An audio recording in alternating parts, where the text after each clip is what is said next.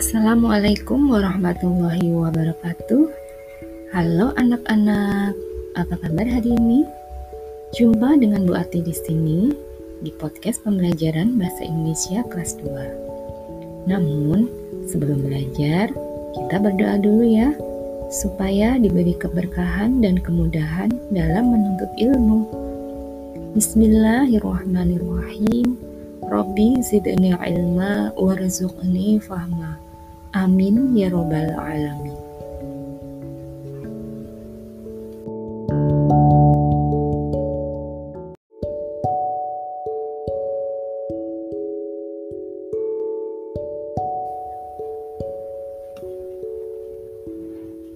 Nah, pada kesempatan kali ini kita akan mempelajari tentang kalimat penolakan. Tahukah kalian, ketika menolak permintaan orang lain, kita harus mengucapkan dengan sopan. Kerukunan akan terjaga bila kita bertutur kata dengan baik. Pernahkah kalian mendengarkan dongeng tentang menolak permintaan seseorang? Mari kita simak kisah Cici si jerapah. Di padang rumput yang luas, hiduplah sekelompok jerapah. Ada jerapah bernama JJ dan Jojo.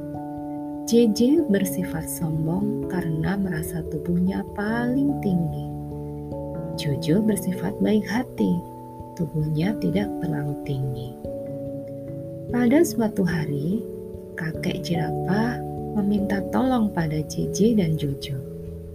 Kakek jerapah minta tolong diambilkan daun segar. Namun, JJ menolak. Tidak mau, kek. Saya sedang repot. Jojo dengan sekuat tenaga mengambil daun segar untuk kakek jerapah. Suatu hari, JJ mendapat kesulitan. JJ jatuh, kakinya terjepit bebatuan. Teman-teman hewan lain tidak tega melihat JJ kesulitan. Mereka menolong JJ. Akhirnya, JJ sadar bahwa saling menolong antar teman itu. Nah, demikian anak-anak kisah JJ si jerapah.